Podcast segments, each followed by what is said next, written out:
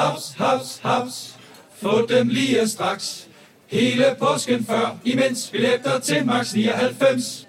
Haps, haps, haps. Nu skal vi have... Orange billetter til max 99. Rejs med DSB Orange i påsken fra 23. marts til 1. april. Rejs billigt, rejs orange. DSB, rejs med. Haps, haps, haps.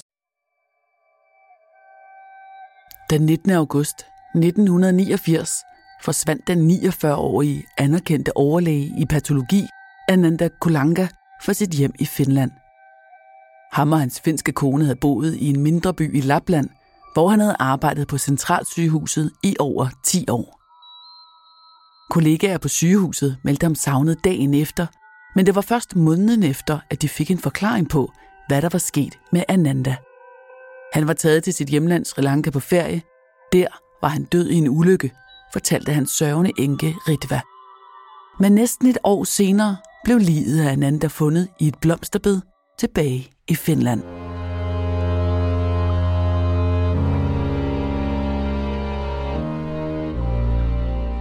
Du lytter til Mor i Nord. En podcastserie om nogle af de mest opsigtsvækkende drabsager fra Norden.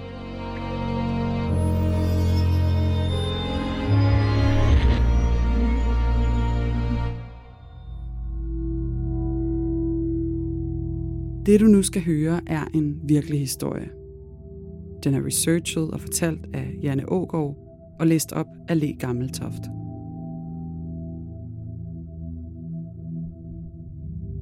Det her er en genfortælling af sagens fakta, som de har været gengivet i andre medier. Nogle detaljer er udeladt, ligesom vi her afholder os fra at tage stilling. Det har retssystemet gjort. Men du skal være forberedt på, at det kan være voldsomt at lytte til. Ikke mindst fordi det handler om rigtige menneskers liv og død.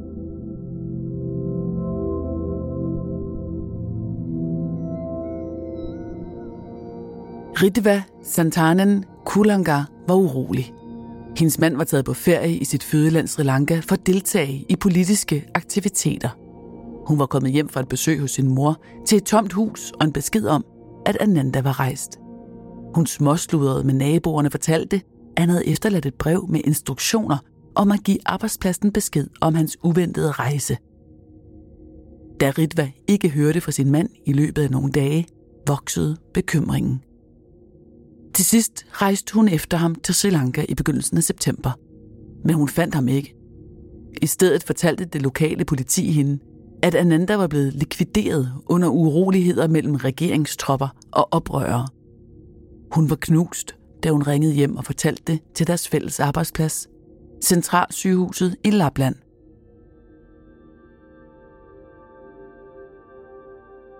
Sri Lankas borgerkrig havde raset siden 1983 og skulle vise sig at blive ved mange år endnu.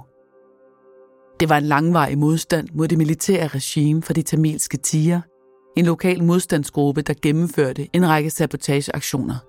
I mange år blev tigerne fordømt som terrorister, også af EU.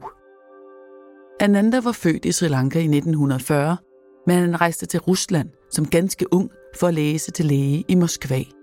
Her mødte han sin første hustru, en russisk kvinde, som han fik to børn med. Men ægteskabet holdt kun i få år, og i 1968 blev han skilt og mødte en anden russisk kvinde ved navn Tamara. Sammen satte de kursen mod Finland, hvor Ananda startede på lægeuddannelsen i 1968 i hovedstaden Helsinki. De fik også et sæt tvillinger i begyndelsen af 1970'erne og bosatte sig efter hans eksamen i Åbo i det sydvestlige Finland. Men heller ikke hans andet ægteskab gik særlig godt, for hans mange affærer førte til skilsmisse efter ganske få år. I slutningen af 1976 vikarierede Ananda en sommer på en sundhedsklinik, og her mødte han den blonde og veldrejede finske sygeplejerske Ritva Sanvanen, der var seks år yngre end ham.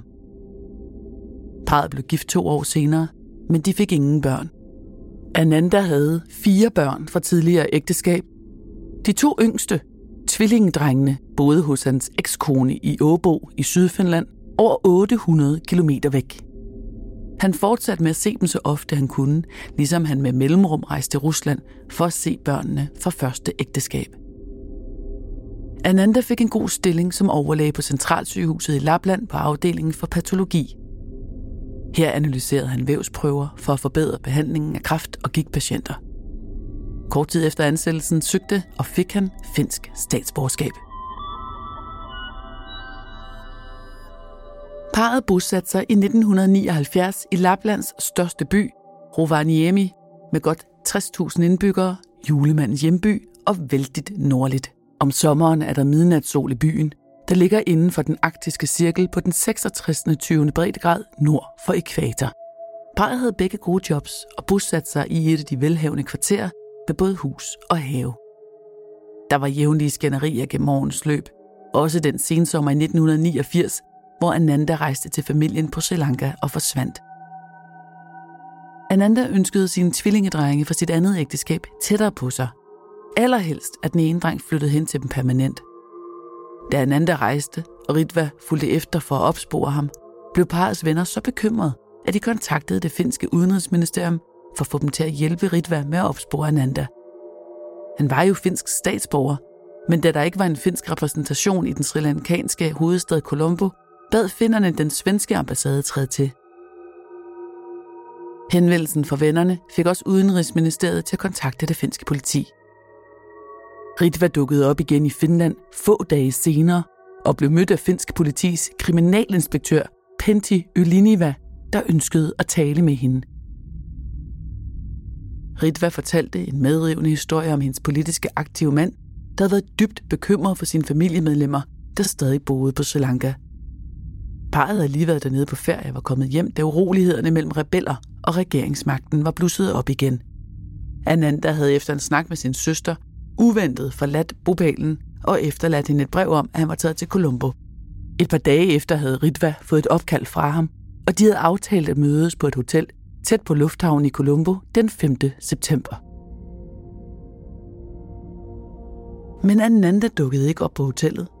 I stedet modtog hun en opringning fra en ukendt mand, der fortalte, at Ananda var blevet kørt ned og var død, og at det ikke havde været en ulykke, men et drab. Hun måtte forlade landet omgående af hensyn til sin egen sikkerhed. På vej til det nærliggende postkontor havde fire mænd stanset hende, givet hende en lille pose, hvor Anandas kreditkort og pas lå i. Det finske kriminalpoliti tog Ritvas forklaring for gode varer. Der var stor uro i Sri Lanka, og al rejse dertil blev frarådet. Anandas død blev rapporteret i aviserne. Det var trods alt ganske usædvanligt, at en læge blev slået ihjel. Politiet modtog endda et interessant brev fra en anonym brevskriver, der fortalte, hvordan bilulykken var sket. Som uger og måneder gik, lykkedes det dog ikke de finske efterforskere at få bekræftet en eneste af Ritvas oplysninger omkring hendes mands død. Politiet kunne ikke finde Anandas navn på passagerlisterne fra fly mellem Helsinki og Colombo, ingen hotelbookninger eller billeje. Anandas familie havde heller ikke mødtes med ham eller hørt, at han skulle ankomme. Officiel assistance fra Interpol havde intet ført med sig, og nu blev Anandas forsvinden betragtet som mistænkelig. Hele den vinter afhørte det finske politi Ritva, deres venner, hans kolleger og hans familie i Colombo blev udspurgt af de sri lankanske myndigheder.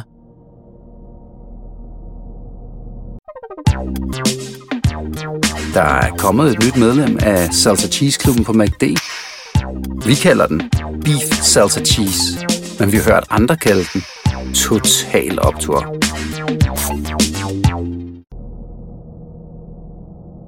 Da foråret kom i maj 1990, øgedes antallet af afhøringer og presset på Ritva. For ingen af hendes oplysninger kunne bekræftes, og hun kom med skiftende forklaringer over for sine venner og over for politiet. Efter en længere afhøring i maj, brød Ritva sammen og indrømmede, at hun havde løjet i månedsvis.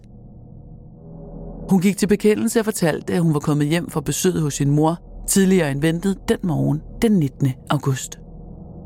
I sengen havde hun fundet livet af sin mand. Han havde begået selvmord ved at skyde sig selv i den høje tænding med Luger Parabellum kaliber 22. Pistolen havde Ritva fået hendes mor tidligere den sommer. Det var hendes afdødes fars pistol fra krigens tid. Ved livet fandt Ritva et brev med en lang række instrukser for, hvordan hun skulle skjule hans skamfulde ugerning. Brevet brændte hun uden at vise det til nogen. Ananda havde endda samlet en række hjælpemidler, som lå ved sengen, nemlig to sorte affaldssække og en præsending til at skjule hans bil. Ritva bestemte sig for at følge mandens ønske, fordi hendes mand var troende buddhist og ønskede at blive begravet på egen grund.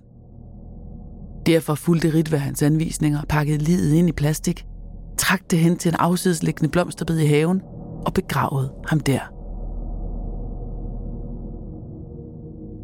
Men graven var langt fra dyb nok. Bare 10 cm jord lå der oven på det indpakkede lig. Ritva lagde ekstra muld på og plantede lægeurter ovenpå. Ingen kunne se bedet fra vejen, der var en anelse højere end resten af baghaven. Ritva gik derefter videre med sin plan at konstruere historien om, at han var dræbt af ukendte gerningsmænd et andet sted i verden. Anandas lig havde ligget i blomsterbedet i mange måneder, men det var forbavsende velbevaret. Det meste af hans baghoved manglede, og dødsårsagen var nem at klarlægge. Skud i hovedet. Men hvem var det lige, der havde affyret skuddet? Politiet sigtede Ritva for drabet på sin mand. De tog ikke hendes skiftende forklaringer for gode varer. Hun blev varetægtsfængslet for lukkede døre.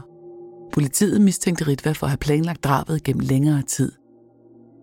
Anandas tvillingdrenge havde set pistolen hos Ritvas mor mange år tidligere, og de kunne fortælle, at Ananda havde været håbløs med våben.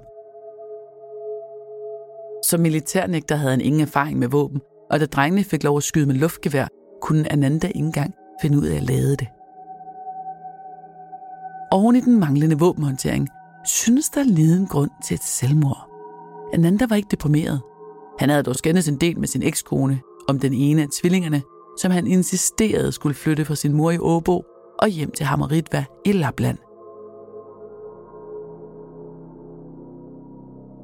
Den sommer dykkede efterforskerne ned i familierelationerne for at klarlægge et motiv, enten til selvmord eller drab. Ananda og Ritva havde haft de store tvillingedrenge med på ferie i Sri Lanka i juli måned, og Ananda havde netop taget kørekort, købt sig selv en bil og bygget en garage til den. Indtil da havde han været afhængig af at blive kørt af Ritva, og han havde stolt fremvist både bil og kørekort til vennerne. Ritva påstod, at Ananda var presset, fordi han manglede at aflevere sin doktordisputats, men hans vejleder afviste det blankt og sagde, at den var færdig mange måneder inden Anandas påstod selvmord i august 1989. Disputasen lå klar til godkendelse og et mundtligt forsvar. I september havde Ananda planlagt at deltage på en stor konference for retsmediciner i Portugal, og om end han savnede sine store drenge, var der intet, der tydede på en depression. Der var til gengæld meget, der tydede på, at Ananda havde en affære. Han havde året inden mødt en kvinde i toget, og de havde indledt et forhold og planlagt et par dage romantisk getaway i weekenden. Samtidig kunne venner og naboer berette om en del skænderier. Et enkelt lige frem med vold. Ritva havde skåret Ananda i hånden med en kniv. Andre gange var det blot øje, både hos mand og kone. Ananda havde over for venner sagt, at han ønskede at tage sine tvillingdrenge med til England for at blive uddannet på universitetet og derefter vende retur til sit elskede Sri Lanka.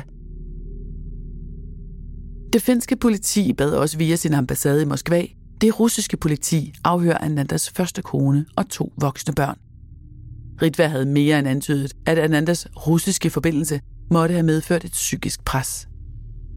Men russerne afhørte ekskonen og børnene. Efterforskerne kunne fortælle, at Ananda havde levet noget af et dobbeltliv. Mens han var gift i Finland, havde han ofte besøgt sine børn i Moskva. Her var han blevet glødende forelsket i hans russiske ekskones søster, Viola, og de havde endda diskuteret muligt ægteskab, når han blev skilt fra Ritva. Summa summarum var der ganske lidt, der tydede på en deprimeret Ananda. Ritva havde også påstået og fastholdt i månedsvis, at Ananda ville tilslutte sig en oprørsbevægelse i sit hjemland. Dernæst gik politiet i gang med at se på Ritvas påstande om Anandas politiske involvering i Sri Lanka. Men al efterforskning tydede på, at Ananda ikke havde været politisk aktiv siden sin studietid i 1960'erne. Anandas lig blev obduceret af hans kolleger fra patologisk afdeling på Centralsygehuset i Lapland. Obduktionen viste et skudsår i højre tænding, og der blev fundet en kugle i madrassen i parets dobbeltseng. Via kuglens placering var det muligt at beregne en vinkel på indgangssåret i tændingen. Den vinkel pegede på, at skytten havde stået over Ananda, der havde ligget på siden og sovet. Pistolen var affyret i en direkte retning mod hans tænding, og han kunne derfor ikke selv have affyret pistolen. Da obduktionen af Ananda var afsluttet, blev livet frigivet til begravelse. På den ene side stod børn, ekskoner og den øvrige familie, der ønskede at få en begravet Sri Lanka. På den anden side ønskede Ritva, at han skulle begraves i Finland. Ritva foreslog, at Anandas lig skulle brændes, og asken fordeles ligeligt mellem de to parter. Men i sidste ende bøjede Ritva sig for presset, og Ananda fik en rigtig begravelse i Sri Lanka, langt fra det frosne blomsterbed i Finland. Ritva nægtede fortsat at have slået sin mand ihjel, men anklageren havde nok til en tiltale. Blandt andet via de ballistiske undersøgelser af pistolen, som lå gemt hjemme hos Ritvas mor. I november 1990 stod Ritva Santanen Kulanga anklaget for drab ved byretten i Rovaniemi. Hun blev idømt ni års fængsel for drabet på sin mand i Rovaniemis byret, men appellerede straks dommen til landsretten. Appelretten opretholdt dommen, men da Ritva havde ren straffatest inden drabsdommen og dermed var førstegangskriminel, kunne hun søge om prøveløsladelse ved afsoning af halvdelen af sin straf. Så i 1995 var hun en fri kvinde igen i en alder af 49 år. Så vidt vi ved, har hun ikke været i konflikt med straffeloven siden.